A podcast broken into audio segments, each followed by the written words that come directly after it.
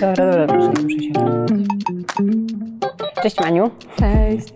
Bardzo się cieszę, że jesteś z nami. Ja też. Dziękuję bardzo za zaproszenie. No zwłaszcza, że ty wiesz, młoda mama, więc to jest cała logistyka, żebyś tu dotarła, ale jesteś i, i bardzo, bardzo się z tego powodu cieszę. Mm, I słuchaj, tak tytułem wstępu muszę powiedzieć, że pewnie większość naszych e, widzów i słuchaczy kojarzy cię z e, serialu Pułapka, tak myślę, ale też spora część, podejrzewam, możecie kojarzyć e, z Twojej działalności w sieci, mhm. bo Ty tam prężnie działasz, mhm. wspierasz kobiety, nie tylko kobiety, właściwie całe grono ludzi na Instagramie, ale też webinarami, warsztatami, też w realu. No i, i, i stajesz się taką naprawdę już aktywistką Chyba tak można powiedzieć. Tak, tak mam przynajmniej w opisie na Instagramie, więc, więc tak to by można było sklasyfikować. Ja gdzieś tam chyba nie jestem w stanie sobie przypisać jednej roli, bo myślę, że jestem i mamą, i żoną, i kobietą, i aktywistką, i wspieram kobiety tak jak potrafię, ale też sztuka jest dla mnie bardzo ważna. Więc nie wiem, może jestem po prostu wieloma rzeczami, wieloma osobami. No właśnie, bo my mamy taką tendencję do e, jakiegoś wpychania się, że my musimy tak być jest. jacyś, ale tu właśnie trzeba tak iść szeroko tak i jest. tak mi się też wydaje. Czy stwierdzenie, mm, że tego wszystkiego by nie było, gdyby nie choroba, jest e, przesadzone, czy jest w punkt? Jest w punkt. Zdecydowanie tak. Ja myślę, że każde trudne doświadczenie daje nam szansę, żeby się spotkać bardziej z samą sobą, z samym sobą. Ja mam wrażenie, że dla mnie wrzodziejąc zapalenie jelita grubego, na które chorowałam prawie 4 lata, to była taka szansa na odkrycie jakiejś takiej swojej prawdy i swojej siły i swojej mocy, ale nie tej siły z muskułów, nie tej siły z sześciopaków, nie tej siły z ciętego języka, tylko takiej siły serca i mocy serca. I wydaje mi się, że przez to, że ja te doświadczenia potraktowałam jako rodzaj lekcji, to ja dzisiaj mogę to nieść dalej do świata. Gdybym ja stanęła bezrefleksyjnie, tak mi się wydaje, wobec tego wszystkiego, co się wydarzyło, to myślę, że, że ja bym nie miała w sobie takich zasobów, żeby się dzielić z ludźmi. Mm.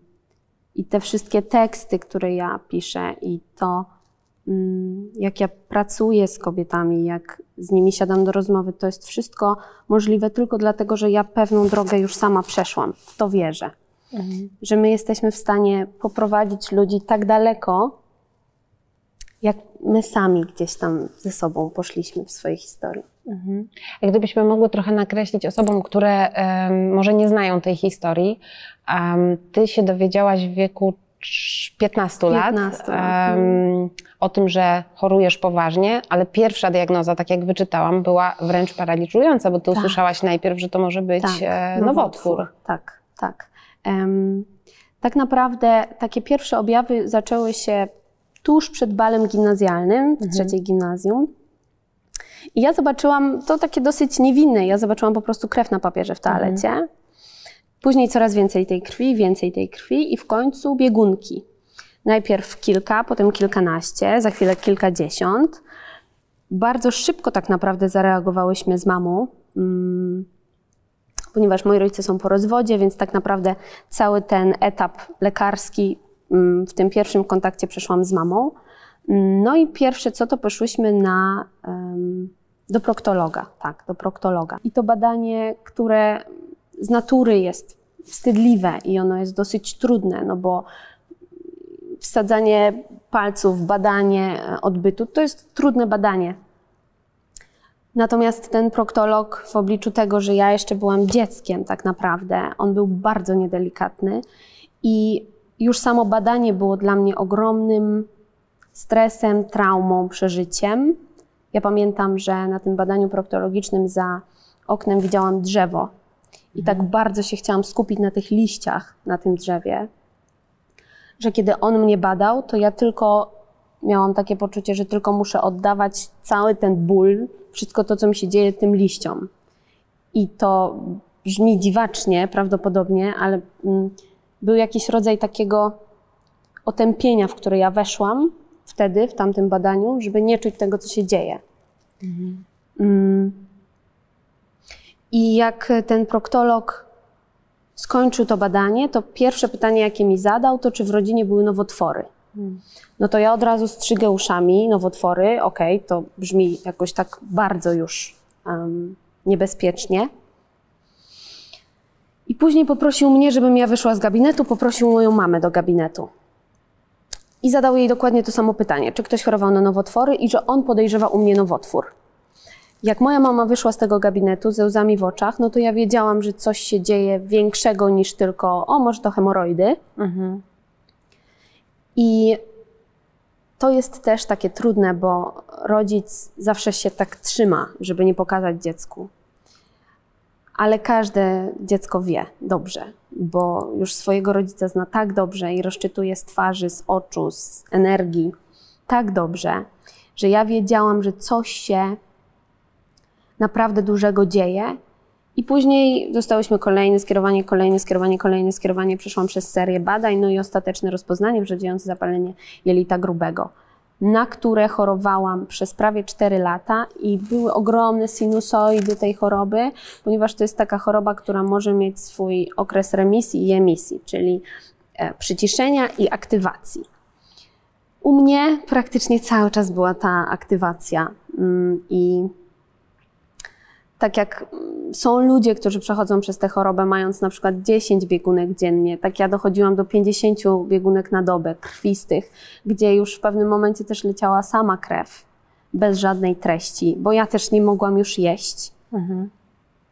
Mm, tak wiele terapii farmakologicznych przeszłam. Okazało się bardzo szybko, że jestem sterydozależna Potem próbowałam też mm, korzystać z medycyny chińskiej, takimi naturalnymi sposobami też to tak podpompować, ale to też nic nie dało. W międzyczasie diety, bardzo różne diety, które zalecali lekarze, dieta bezglutenowa, bez laktozy, mm, bezmięsna, bez surowizny, mm, tylko tam dieta 10 produktów w pewnym momencie, żebym tylko jakieś tam odpowiednio gotowane przetwory i pożywienia jadła.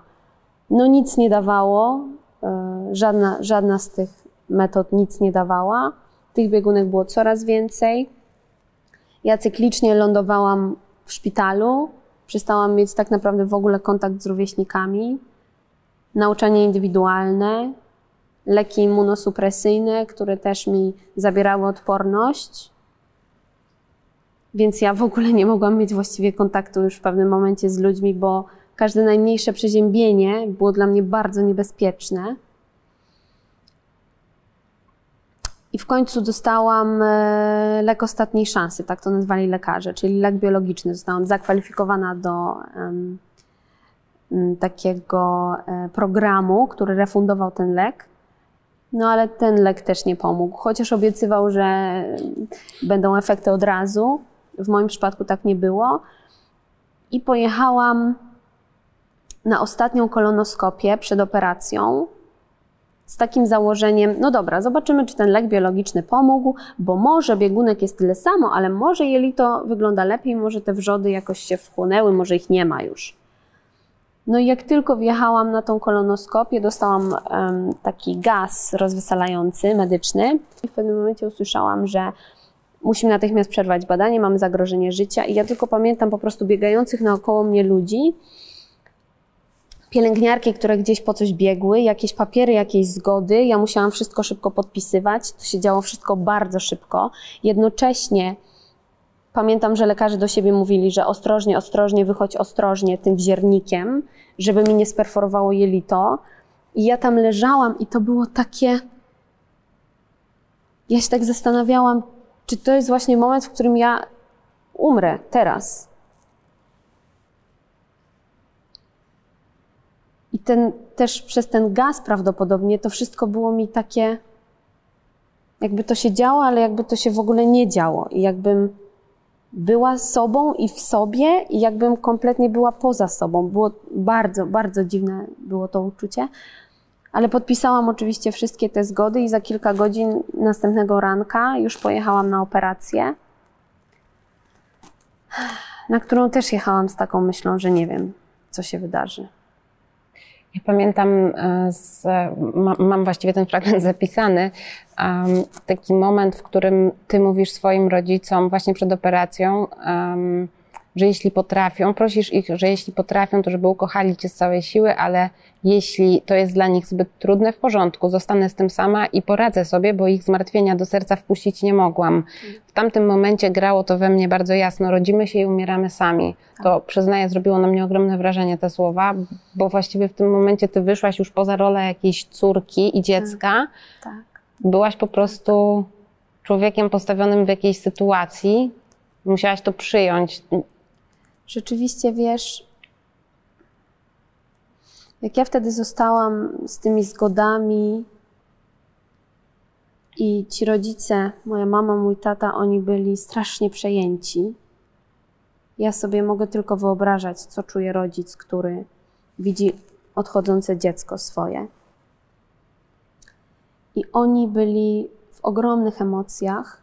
Mój tata też się pytał mnie, czy ty to zniesiesz, czy ty sobie dasz radę, czy ty nie będziesz chciała się kochanie zabić.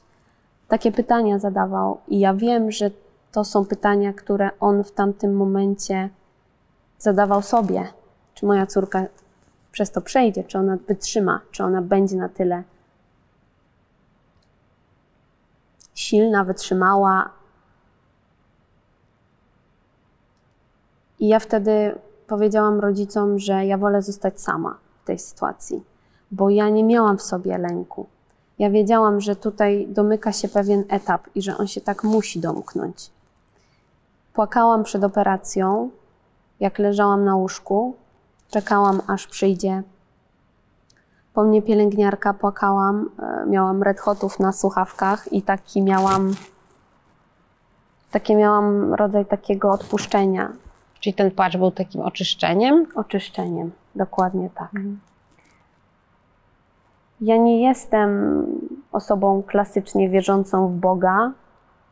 Nie jestem, nie, nie praktykuję, nie wyznaję religii chrześcijańskiej, ale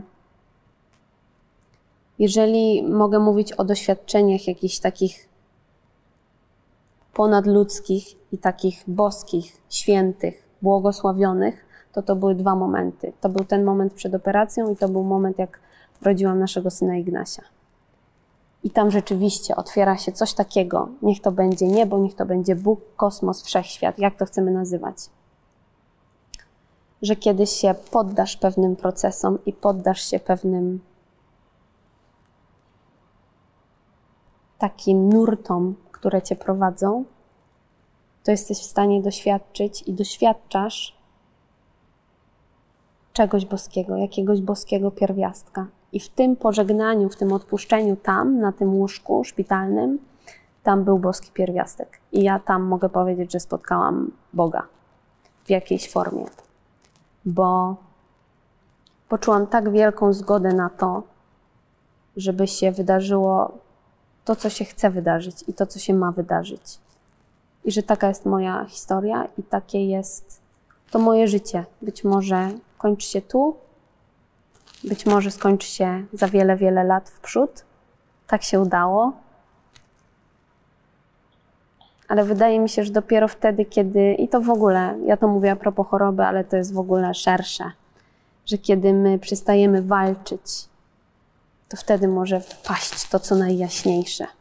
Wtedy może nas dotknąć ten, ta światłość po prostu. Myślisz, że to był moment, w którym zrodziła się po raz pierwszy myśl, że ta choroba może być też prezentem? Czy to nastąpiło później, zrozumienie tej sytuacji, zauważenie, zobaczenie tej sytuacji w taki sposób? To, że ta choroba moja była prezentem, ja to odkryłam wtedy, kiedy nie zdążyłam do toalety w szpitalu. To było może miesiąc przed operacją. Już byłam na takich ostatnich nogach, właśnie już przede mną był ten lek ostatniej szansy, biologiczny. I ja już nie zdążałam do toalety, miałam bardzo dużo tych biegunek krwistych w ciągu doby. No i w, nawet na takim oddziale jak gastroenterologia niestety mamy tylko jedną toaletę dla całego pokoju, a czasami dla dwóch pokojów, pokoi. I pobiegłam do tej toalety, ale była zajęta, więc szybko się zastanawiałam, gdzie jest najbliższa toaleta. Zobaczyłam jakąś w końcu korytarza, zaczęłam do niej biec, ale nie zdążyłam. I weszłam do tej toalety. Byłam cała brudna, nie wiedziałam od czego w ogóle zacząć. Czy od spodni, czy od zdjęcia spodni, czy od kostek, bo to przez całe nogi się wszystko lało. I okazało się, że nie ma ręczników papierowych ani papieru. No, generalnie jestem sama, ewentualnie z wodą w umywalce. I wychyliłam się z tej toalety i zobaczyłam mężczyznę, który szedł z dzieckiem na rękach. I to była jedyna osoba na tym korytarzu w tym momencie. I stałam przed takim dylematem, czy się podzielić z tym mężczyzną tym, co mi się właśnie przytrafiło, i czy pokazać mu jakieś takie najwrażliwsze miejsce w tym momencie. Czy generalnie może obśmiać całą sytuację, e, albo nie poprosić w ogóle, posiedzieć sobie w łazience, może ktoś mnie kiedyś znajdzie. Więc ja zdecydowałam się ten wstyd, jak ja to nazywam, złapać za rękę i powiedzieć o tym, co mi się dzieje temu mężczyźnie.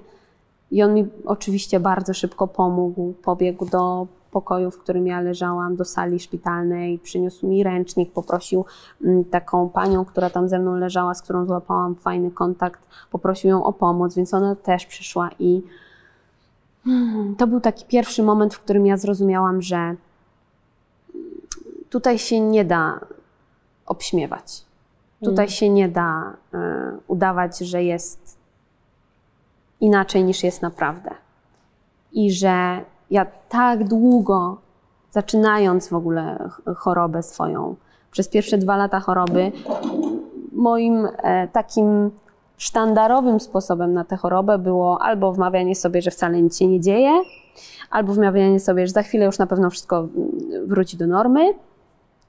E, ewentualnie jeszcze jakieś ćwiczenia oddechowe, medytacja, afirmacje, wdycham złote światło, wydycham wrzody. Próbowałam to jakby sobie uklepać i zakryć na każdy jeden możliwy sposób. I jeszcze mówiłam, że ja właśnie ze sobą pracuję w ten mhm. sposób, nie? No to brzmi, wiesz, jak to praca. Tak, to brzmi jak, wiesz, budowanie świadomości pełną parą, nie? Tak. Wiesz, odpalałam sobie jakieś filmiki motywacyjne na YouTubie, e, zmień swoje życie w 30 dni, więc próbowałam zmienić swoje życie w 30 dni. E, od razu może powiem, to nie działa. I wiesz, i, i próbowałam, chwytałam się takich skrócików, takich przyjemnych skrótów, od których się odbiłam, od każdego jednego.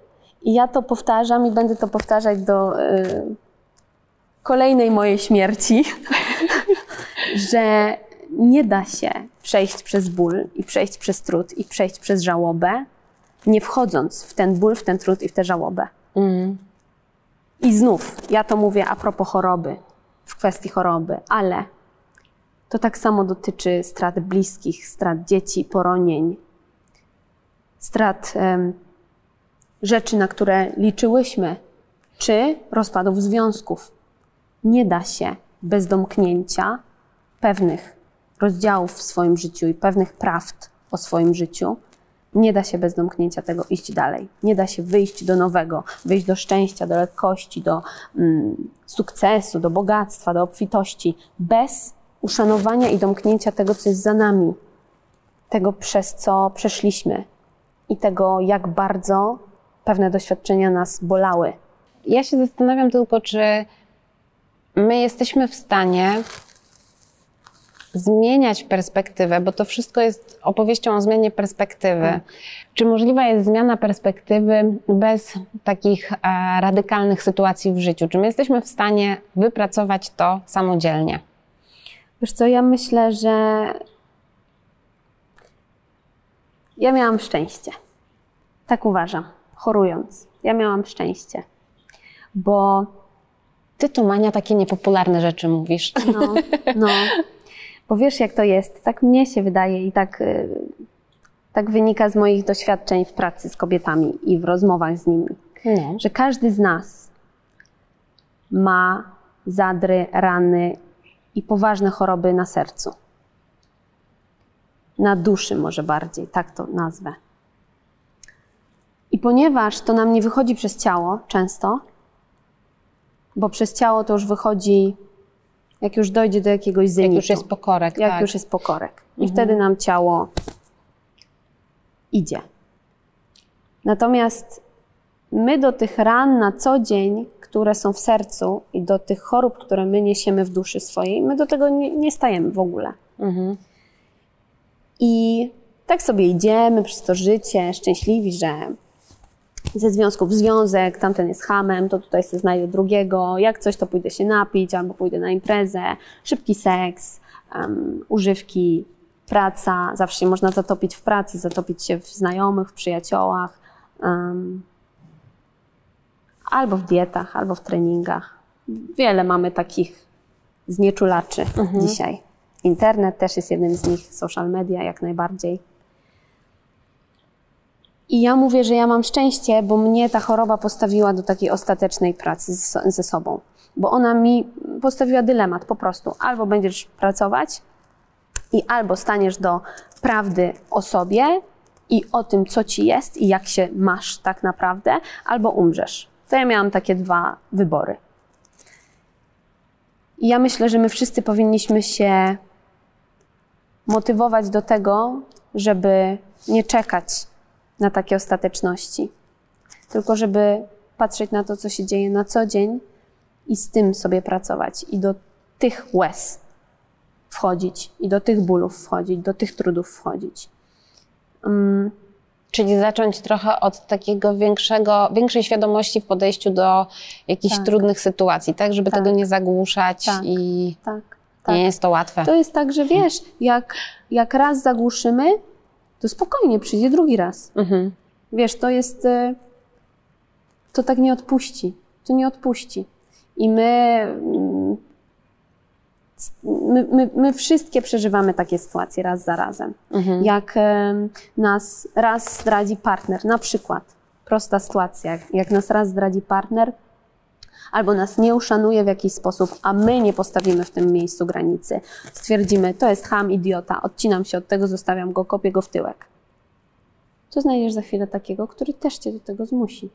Do tego, żebyś wreszcie te granice postawiła, żebyś wreszcie do pewnych trudnych tematów dla siebie stanęła. Mhm. To nie, to, to nie działa tak, że my jesteśmy w stanie coś oszukać, e, jakoś zahachmęcić, bo to po prostu wraca jak bumerang. Mhm. A w jakim wieku e, są kobiety, które do ciebie się zgłaszają? Och, powiem Ci, jest całe spektrum wiekowe. Najmłodsza dziewczyna miała 20 lat. Najmłodsza, okej. najmłodsza tak. Mhm. E, bo ja prowadzę od 18 roku życia Okej. warsztaty, natomiast najstarsza miała 68. No to faktycznie e, duży rozstrzał. A jakbyś miała wyłonić to, co ci się wydaje najczęstszą, naj, najczęstszym problemem wśród kobiet, które się e, do ciebie zgłaszają, które chcą coś zmienić w swoim życiu? Relacja ze sobą i relacja z partnerem. Przychodzi kobieta, siada, pytam się, z czym by chciała pracować, i ona mówi ze sobą. Ja mówię, OK, co się dzieje? I na przykład ona mówi, jestem smutna. I to jest taki smutek głęboki i nie wiem w ogóle od czego zacząć. Byłam już u wielu psychologów albo próbowałam już wielu różnych metod. Nic mi nie pomaga, mm, bo te wszystkie przewodniki motywacyjne mówią, że powinnam zacząć biegać. Ja nie chcę biegać. Już zazwyczaj w tym momencie jest potok łez. Bo ja mam takie wrażenie w ogóle, że kobiety nie są słuchane. Mhm. Więc jak one siadają naprzeciwko mnie, gdzie jest kompletna cisza, i ja, ja, nie, ja nie klepię po ramieniu, ani ja nie głaszczę po głowie. I ja nie mówię, ty biedna, ty biedna. Tylko ja zadaję proste, prawdziwe pytania. Jak ty się ze sobą masz? Co się dzieje? Co czujesz? Co teraz czujesz? Ja się nawet pytam kobiet czasami, czy jesteś na mnie zła za to, co powiedziałam teraz? czasami kobieta mówi: Tak, to jest niewygodne, co powiedziałaś. Ale warsztat trwa. Tak naprawdę to jest super, jeśli coś takiego mówi, bo to znaczy, Tak, że tak, jest już w jakimś etapie szczerości, Tak, wiesz. tak, tak. Ale też e, na przykład przychodzą kobiety, które pierwsze co, wiesz, my dobieramy słowa bardzo nieprzypadkowo. My nie jesteśmy tego świadomi, ale my dobieramy słowa w taki sposób, dlatego ja się tak czasami zawieszam, jak mówię, bo ja wiem, jaką wagę ma każde słowo. I Czyli chcesz powiedzieć, że często słowa już demaskują historię w środku, tak? Wszystko, wszystko. Siada kobieta i to się zdarza bardzo często. Notorycznie słyszę takie zdanie. Z czym przyszłaś pracować? Z życiem. No to jeżeli kobieta przychodzi pracować z życiem, to ja wiem, że za nią idzie śmierć jakaś. Jakaś niedomknięta, niezamknięta śmierć. Bo jeżeli my przychodzimy i kładziemy na stół temat życie, to znaczy, że tam jest jakieś ogromne utknięcie, że my do tego życia nie możemy iść. Tak często zdarza się, że kobiety poroniły, albo ich mamy poroniły, albo ich babcie poroniły. Nikt nic nie powiedział. Nie wiedziały na przykład o tym, Albo mama i tata o tym nie chcieli rozmawiać, babcia i dziadek o tym nie chcieli rozmawiać. Ale to może mieć wpływ e, bez, tak, na, na, na samą kobietę? I i jaki może mieć Wiesz, to jest tak. Bo to są- faktycznie temat poronień jest trochę e, tabu. Jest tabu, bardzo, Mhm. bardzo. Ja to widzę nawet po swoim otoczeniu, jak ten temat e, pojawia się między nami kobietami. Tak, Jak my próbujemy o tym rozmawiać, jak jest w ogóle trudno dobierać słowa też tej drugiej stronie, która ma jakoś zareagować, ale też kobietom, które mm, przez to przeszły. tak. Mam wrażenie, że nie mają zapewnionego wsparcia społecznego. Tak, tak jest. Wiesz, tak jak ja pracuję, a ja pracuję głównie opierając się na ustawieniach systemowych, stworzonych przez, przez wspaniałego Berta Hellingera, to to jest tak. Myślę, że to jedno zdanie obrazuje wszystko. Tam, gdzie rodzic nie chce patrzeć, tam spojrzy dziecko. I to jest tak, że w momencie, w którym przychodzą kobiety, których mama poroniła, i o tym się na przykład nie mówiło. Ona o tym wiedziała, ale o tym się w ogóle nie mówiło. Temat tabu, nikt nie chce do tego wracać, boli za bardzo. Nawet na święto zmarłych nie mówmy o tym. To z takiego ruchu serca wewnętrznego, który zawsze kocha bliskich najbardziej. Nawet jeśli się od nich odcinamy, nawet jeśli rodzice są toksyczni, nasze serce kocha i w naszym sercu relacja jakaś trwa to my z tego ruchu serca bardzo często wchodzimy w taką dynamikę: ja za ciebie, siostro, ja za ciebie, bracie. Bo poronione dziecko mamy to jest wtedy nasze rodzeństwo. Ja za ciebie, siostro, nie wyjdę do własnej miłości, do własnego związku. Ja za ciebie, bracie, będę szła w chorobę, czy szła w śmierć, czy ja za ciebie i dla ciebie będę tęsknić. Ja za ciebie nie będę zarabiać, bo ty nie mogłaś, bo ty nie mogłeś zarabiać. I to są wtedy takie kobiety, które normalnie mi wprost mówią, że ja mam wrażenie, że połowa mnie nie żyje. Albo jest obszar w moim życiu, który jest kompletnie zamrożony. Bo część nas wtedy, jeśli jest nieuszanowane, niewidziane to rodzeństwo, na przykład rodzeństwo, jest wykluczone, to my je będziemy próbowali wkluczyć. A jak? Własnymi stratami. I takim własnym odmawianiem sobie prawa do życia. Bo skoro tobie nie było wolno, to ja też nie chcę żyć. I to nie dzieje się na poziomie świadomym. My świadomie sobie możemy powiedzieć, no tak mi przykro, no zmarło mi rodzeństwo, no pff, trudno, nie chcemy o tym gadać, dobra, nieważne, moja mama jest zamknięta, nie będę z nią o tym rozmawiać. Natomiast na poziomie podświadomym tam już się wszystko dzieje. Tam już się wszystko dzieje samo. My tak naprawdę tylko dwie setne procenta odbieramy rzeczywistość na poziomie świadomym. Cała reszta to jest to, jak się synchronizuje nasza podświadomość ze wszystkim. Więc nam się wydaje, że my jesteśmy tacy oczytani, my tak wszystko wiemy. My nic nie wiemy. Ja nic nie wiem. Wszystko to, i to jest też takie niesamowite, że im bardziej zaczynamy racjonalizować pewne uczucia czy pewne momenty w naszym życiu, tym bardziej odbieramy im całą magię jakiej, jakiejś intuicyjności. Jeżeli my na przykład nie wiemy, dlaczego chcemy płakać, ale chcemy płakać, to do cholery pozwólmy sobie płakać. Nie racjonalizujmy, o, ja nie mam po co płakać. Co ja będę płakać? Szkoda łez. Płaczmy. Czasami te łzy są właśnie za tą mamę, która nie przepłakała swojej straty, czy za babcię. Mhm. I to tak samo działa na przykład, jeżeli chodzi o partnerstwo. Z iloma kobietami się spotykam, gdzie mama czy babcia nie wyrównały w swojej relacji partnerskiej, więc teraz córka będzie wyrównywać w swojej relacji partnerskiej. Na przykład mama była zdradzana przez tatę, ale całe życie była na zasadzie ja to wytrzymam, ja to wytrzymam, nie będę w ogóle o tym rozmawiać. Widocznie taki ma być mój los, nie będę go w ogóle stawiać nawet do faktu tego, że ja wiem, że, że on nie zdradza. I jeżeli tam nie było wyrównania w tej relacji, nie, nie padły słowa, nie doszło do momentu zmieniamy czy rozstajemy się, mhm. to wtedy córka za tą mamę weźmie rozwód. I przychodzą do mnie kobiety, które mówią: Wzięłam rozwód, mam poczucie winy względem tego mężczyzny, bo ja nie wiem, czemu ja z nim wzięłam rozwód. Ja nie chciałam, ale czułam, że muszę. Wzięłam.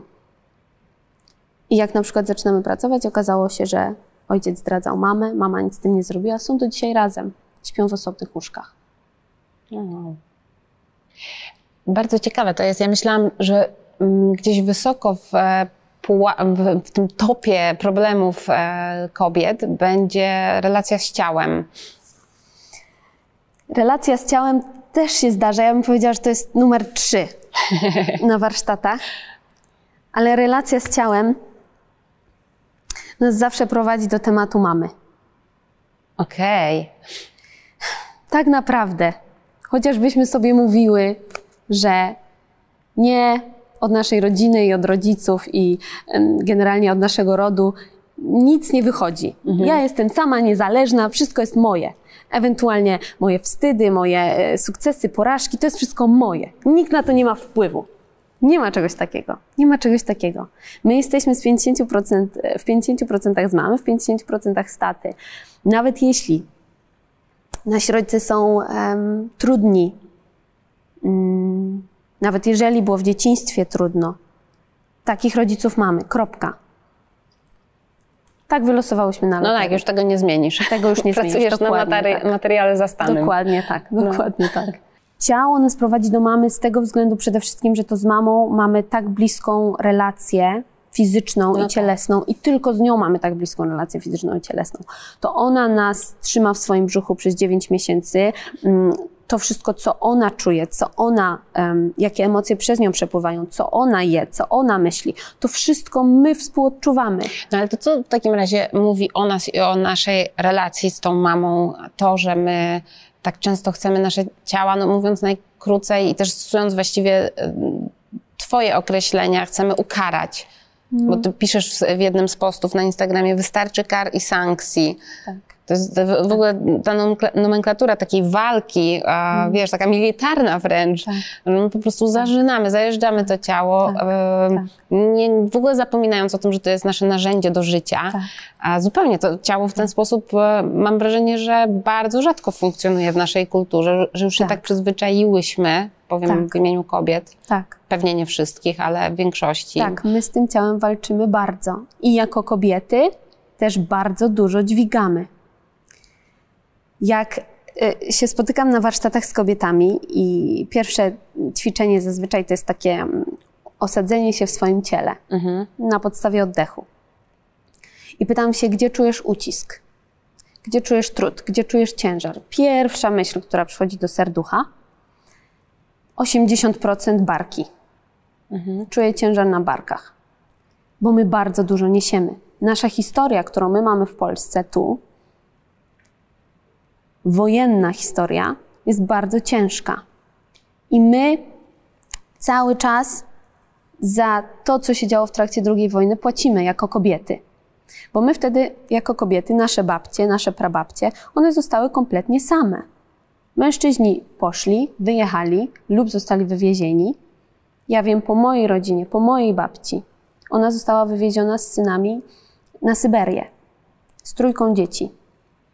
Dwójka synów, jedna córka, która tam zmarła, utopiła się. A dziadek w tym czasie został wywieziony do Katynia i tam został rozstrzelany. I ona, jak wróciła z tej Syberii, cudem z dwójką dzieci, które przeżyły, wszystko było na jej głowie. No jasne, nie ma tego mężczyzny.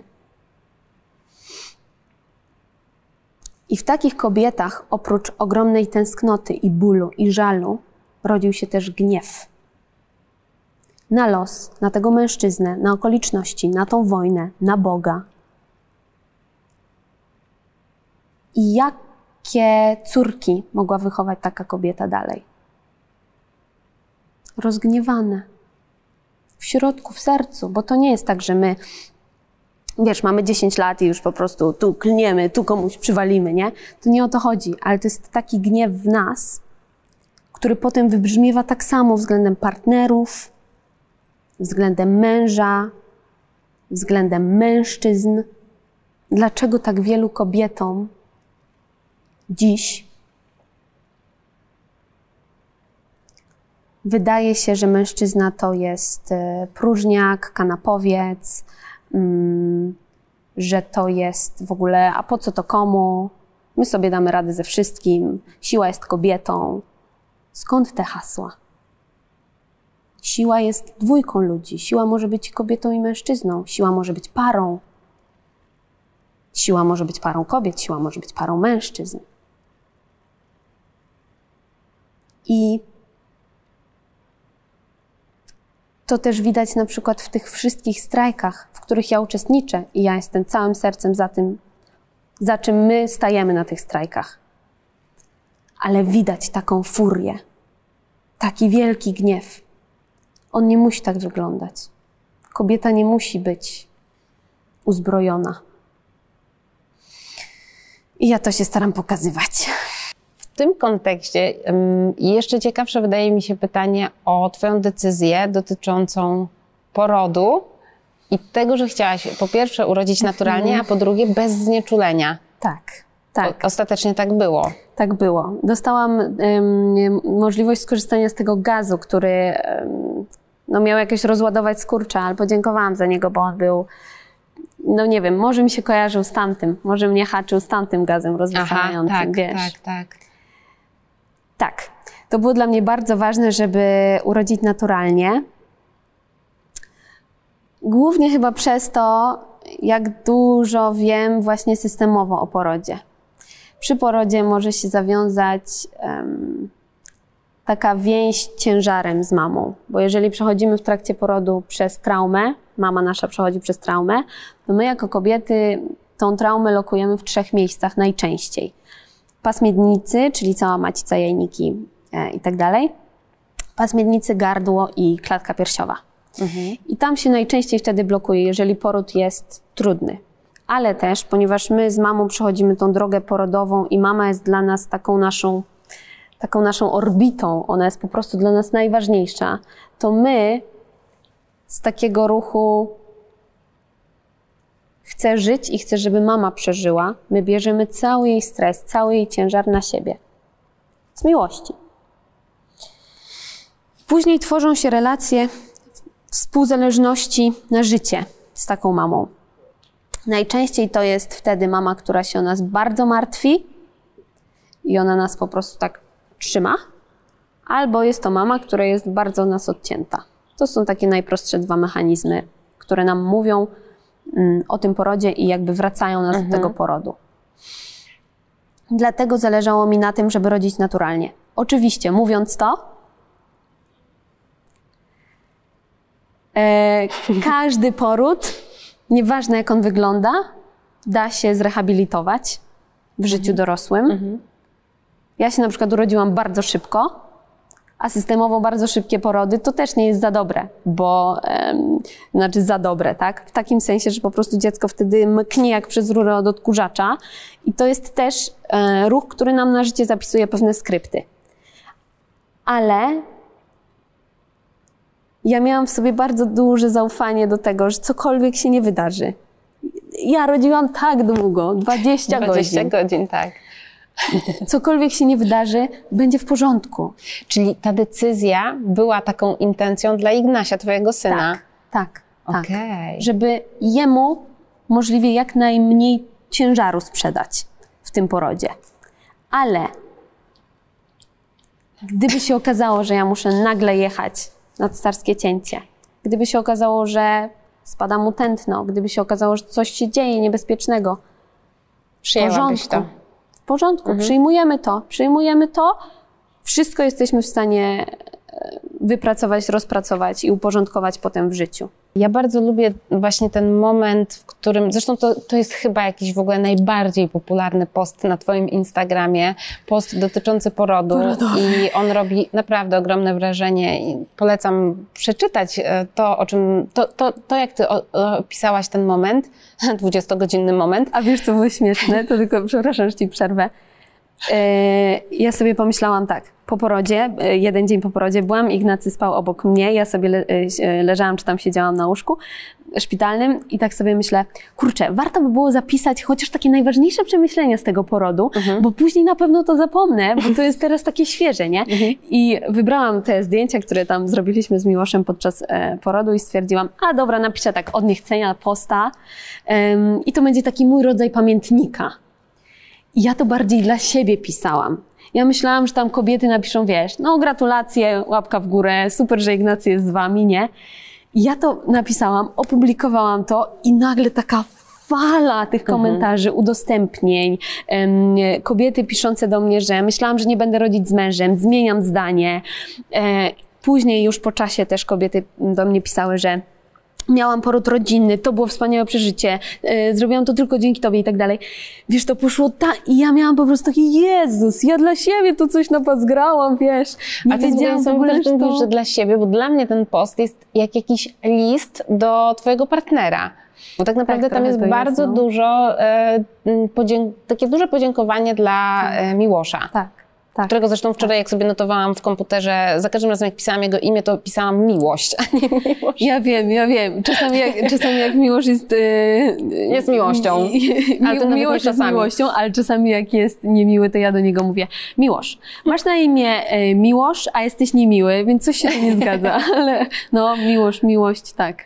No ale ten post jest faktycznie e, niesamowity i, i ta opowieść w ogóle, to, to, to, ten poziom już takiej absolutnej szczerości, te zdjęcia, ja pamiętam, że w pierwszej chwili, jak je zobaczyłam, to się trochę przestraszyłam. To jest chyba najlepsze określenie, się chyba przestraszyłam tej prawdy, która mnie uderzyła e, po oczach. Wiesz, ja dostałam. To chyba zawsze tak jest, że jak e, człowiek widzi coś dużego, czy coś bardzo prawdziwego, to albo stanie do tego z taką wielką miłością, zrozumieniem i takim przyjęciem tego, co widzi, albo się tak zdystansuje i tak się zdenerwuje. Ja dostałam bardzo dużo pytań em, o to, czy mnie nie pochrzaniło, że ja takie rzeczy wstawiam. Szkoda, że nie zrobiłam e, zdjęcia jak e, podczas skurczów partych. Szkoda, że nie ma zdjęcia mojego krocza i tak dalej, i tak dalej. Dostałam trochę takiego em, ostrego feedbacku za ten post, ale ja sobie myślę tak, że widzisz, intymność, bo to jest intymny post. Intymność nie jest ciałem, ani nie jest zbliżeniem dla mnie. Dla mnie intymność jest prawdą. I ja taką intymnością chcę się dzielić z ludźmi. Czyli swoją prawdą chcę się dzielić z ludźmi, po prostu. Mm, Wydaje mi się, że im więcej będziemy obdzierać z tych filtrów i obdzierać z mm, takich komedii romantycznych na życie, tym bardziej po prostu my jako ludzie będziemy się ze sobą, ze swoim życiem i z innymi czuć lepiej, po No prostu. wiesz, to jest, kurczę, najwyższa pora, żebyśmy trochę zaczęli pracować z prawdą i ze wstydem, nie? No już okej, przerobiliśmy komedię romantyczną, tak jak mówisz, a może warto by było trochę jednak e, wpuścić też tego, tej autentyczności w nasze życie, bo tego cały czas brakuje, więc Tak. jak najbardziej taki post. A czy ty możesz opowiedzieć, jak wy się poznaliście z Miłoszem? Tak, pewnie. To jest historia, która jest Bo to jest jakoś, e, Jest to mega- wisienka na torcie mm, Tak. historii z chorobą Tak. i ty wchodzisz w swoje drugie życie. Tak, tak, no. Em, myśmy się poznali na kursie aktorskim, co jest w ogóle zabawne, bo Miłosz miał tylko taki epizodzik, że on chciał być aktorem. Później Znaczy, mu to tylko miał w cię ogóle prostu przeszło. spotkać, tak. Miał mnie spotkać, ja go miałam spotkać. Zapisałam się na kurs, bo wtedy się nie dostałam do szkoły teatralnej, Mhm. bo em, operacja e, miała miejsce w wakacje, więc mnie cały system egzaminowy ominął. Mhm. No to wiedziałam, że będę zdawała za rok. Em, ale chciałam sobie dać coś takiego na przeczekanie, e, więc stwierdziłam, dobra, no to zapiszę się na ten kurs aktorski. No i tam było powiedzmy z 12 dziewczyn, trzech chłopaków, facetów, mężczyzn, w tym Miłosz, który był najmłodszy e, ze wszystkich tam w ogóle. E, On jest rok młodszy ode mnie, czyli ja mam 25, on ma 24. Dobrze, że to padło w trakcie tej rozmowy, ile ty masz lat. Em, I, e, I ja pamiętam, że pierwsze, co zwróciło moją uwagę w Miłoszu, to był duży tatuaż statku, który, czy okrętu, nie wiem co to jest, potem się go zapytam, e, okrętu, który tutaj ma na przedramieniu, a druga rzecz to było bardzo donośny śmiech. Taki po prostu z serducha, taki pełny śmiech e, który uwielbiam. Jest jedną z tych rzeczy, gdzie nieważne co się dzieje, to serce topnieje, jak miło się śmieje. I, I myśmy dostali, zostaliśmy połączeni w parę, żeby zrobić zadanie jakieś tam aktorskie. I mieliśmy się spotkać, żeby przegadać to zadanie.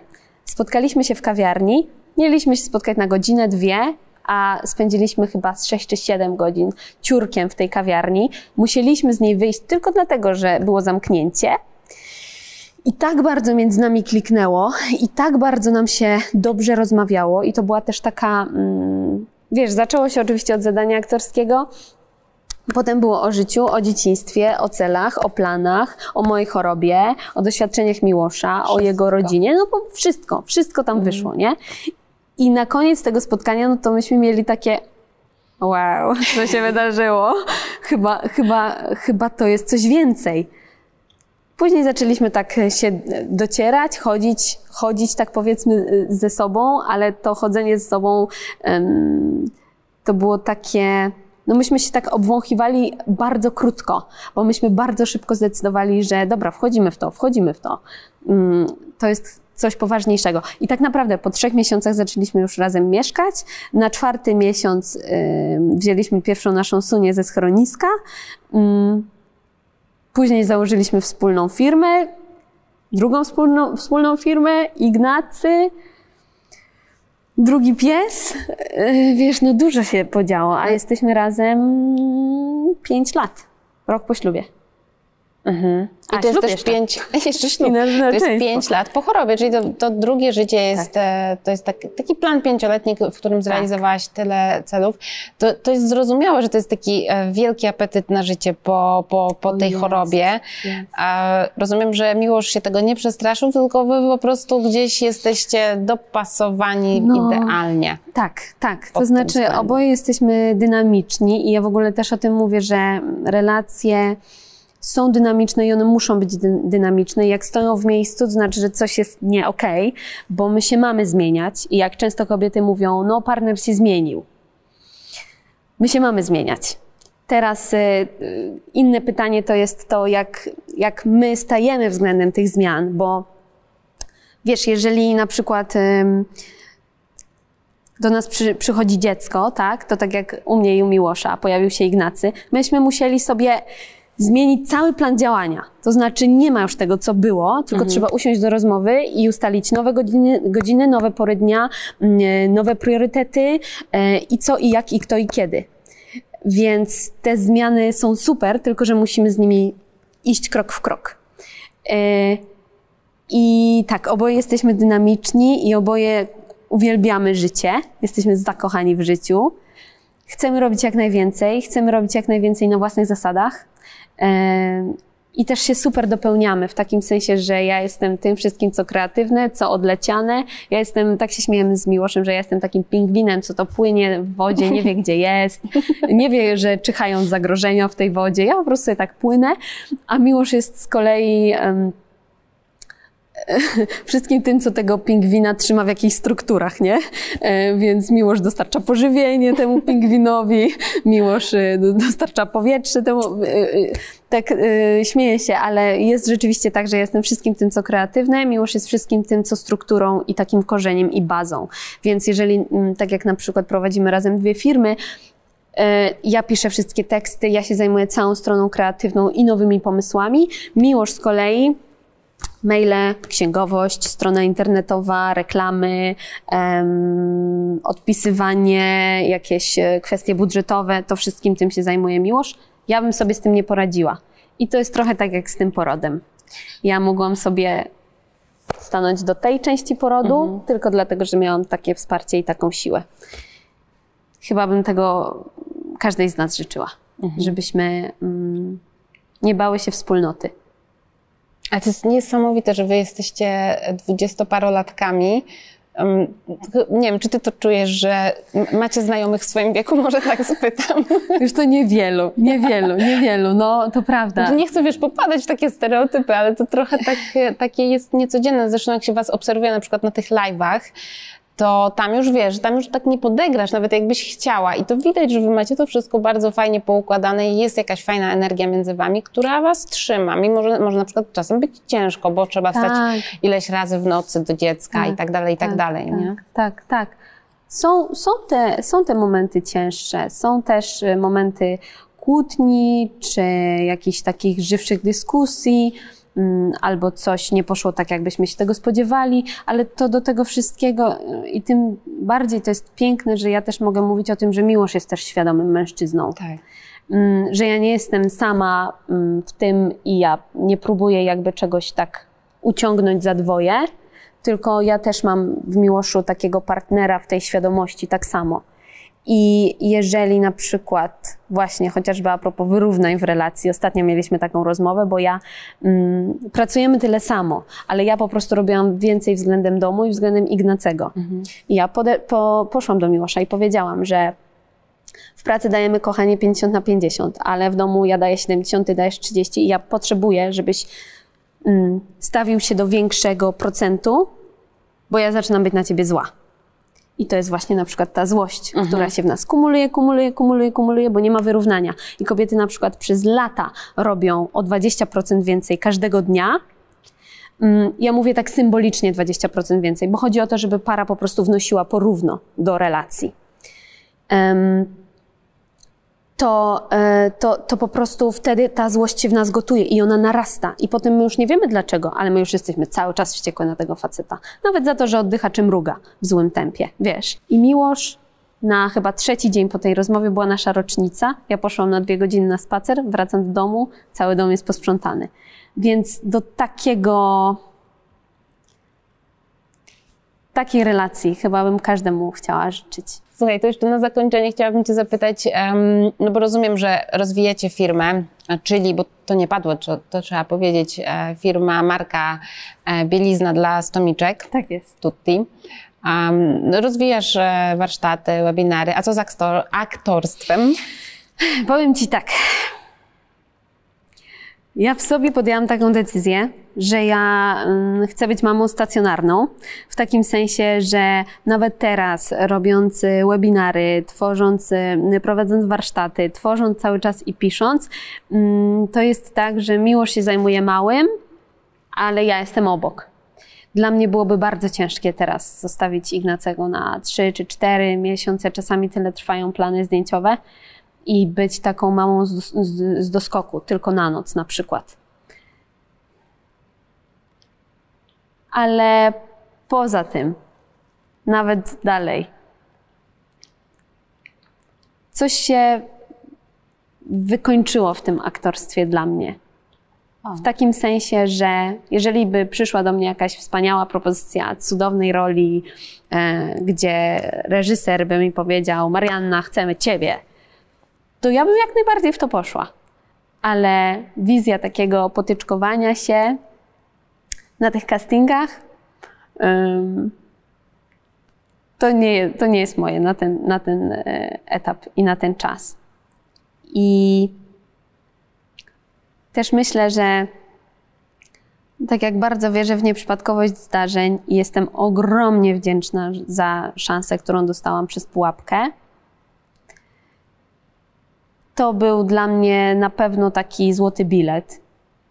I moja wdzięczność w tym temacie naprawdę nie ma końca, bo ja wiem, że gdyby nie pułapka, ja bym nie była w stanie powiedzieć o stomie, albo bym powiedziała i to by się odbiło od ściany. Mhm. Mm, więc ja myślę sobie, że to jest takie, to są takie etapy życia, że było to aktorstwo, które dało mi możliwość powiedzenia na głos o stomii. Powiedzenie na głos o stomii doprowadziło e, tak naprawdę do, do tutti, do stworzenia tej bielizny, co dalej doprowadziło do rozpoczęcia pracy z kobietami właśnie w tematach wstydu, ciała, relacji, co dalej doprowadziło do tego, że się stworzyły okolice ciała i warsztaty. Ta droga, kurczę, jest... Czyli płyniesz z tym nurtem, płynie, ale nie no. upierasz się przy aktorstwie. Tak, tak. tak. Jak A. mnie zawróci, to mnie zawróci. Nie, to um, myślę, że popłyniesz dalej, a nie, że zawróci. Popłynę dalej, właśnie. jak, mnie, jak mnie skręci w tę stronę, to mnie skręci w tę mhm. stronę. Natomiast nie ma we mnie takiego, mm, wiesz, jakiegoś takiego, jakiejś takiej umowy ze sobą, że ja coś muszę. Ja generalnie wiem, że jak ja sobie mówię, że ja coś muszę, to ja się zaczynam trzeć w sobie wtedy. Mhm. I wtedy. Mm, A to co dla ciebie będzie sukcesem? Na życie? Hmm. Um, rozwój, rozwój okolic ciała dalszy, czyli tej naszej platformy dla kobiet. To, co mamy w planach, jeśli oczywiście czasy pozwolą, żeby się więcej spotykać twarzą w twarz z tymi kobietami, żeby tworzyć cały wyjazd dla nich, żeby to był taki taka warsztatownia dla ciała, dla duszy, dla emocji. I tak, żeby te kobiety się mogły łapać nie tylko ze mną, ale też między sobą. Okay. Czyli taka już naprawdę społeczność żywa. No, no. Do tego Ci życzę z całego serca. Bardzo dziękuję. Mocno trzymam kciuki. Będę Cię puszczać, żebyś mogła nakarmić małego. Tak, tak. Już Bardzo i tak się śmiałam, mam kciuki. plamy wszędzie od mleka. Rozwijaj ale... się w takim razie. Dziękuję. I dziękuję, e, podziękowania dla Centrum Koneser za ugoszczenie nas w swoich wnętrzach. Dziękuję bardzo. Leć. Lecę.